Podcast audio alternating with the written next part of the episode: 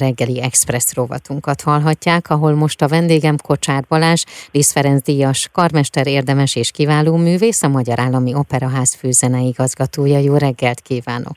Jó reggelt kívánok, köszöntöm a hallgatókat. 2019 óta az adventi időszak állandó darabjává vált Handel Messiás című oratóriumának Mozarti átirata, és a megváltó eljövetelét, szenvedés történetét és feltámadását feldolgozó a Halleluja tétel révén közismert kórusművet december 17-én és 18-án tűzi műsorára az Operaház koncertszerű formában magyar nyelven.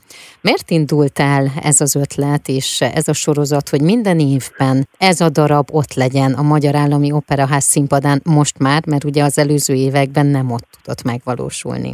Igen, minden évben törekszünk arra, hogy legyenek olyan pontok, amelyek visszatérnek a színház életébe. Ilyen a Gebdi Requiem eljátszása ősszel, vagy éppen a Máté Passi feldolgozása a húsvéti körben. Ehhez került igazából tudatosan kiválasztva a messiás egy olyan fajta megvalósítása, amely először színpadi környezetbe lett megállódva, és a színházunk előadói apparátusa repertoárjából fakadt az, hogy nem is próbálkoztunk. Ahogy jellemzően bár maximális tisztelet és csodálata a barokzere iránt, de manapság már, és a közönség részéről is fölmerül az az igény, hogy ezeket a műveket egy olyan fajta előadásban hallhassák, amely tényleg autentikusnak módható, mert ez a törekvés ma már tényleg olyan teret nyert, és vannak kiváló előadáink itt Magyarországon is. Viszont ez nem alapvetően profilja az opera zenekarának és a kurusának sem.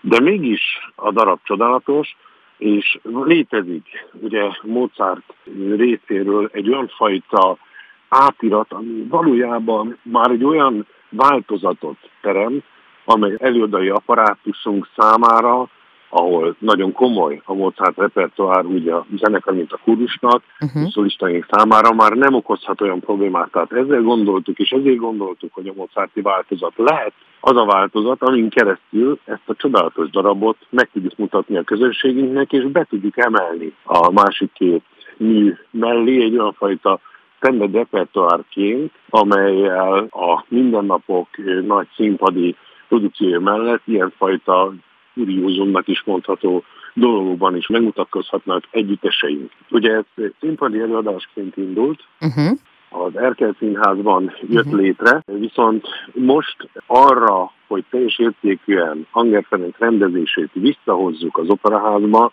és annak minden értékét meg tudjuk mutatni, nem volt lehetőség, viszont az a belefektetett munka, ami már az előző években is nagyon szép, pozitív visszajelzéssel működni tudott, úgy éreztük, hogy fontos, hogy most is megszülessen. Ezért döntöttünk úgy, hogy a koncertverzió mellett tesszük le a voksunkat, amely így ilyen formán az operaházban is működni tud. Ez lesz 2022. december 17-én és 18-án is. A szereplőkről beszélgessünk még. Rácz Rita, Balga Gabriella, Horváth István és Bakonyi Marcell lesz az, akik interpretálják nekünk ezt, és Keselyák Gergely lesz a karmester. Igen, Gergő, aki a színpadi változat premierjét is dirigálta, és minden évben ő viszi végig ezt a produkciót, illetve az énekesek többsége is már az első eh, előadáson is életelték ezt a szerepet.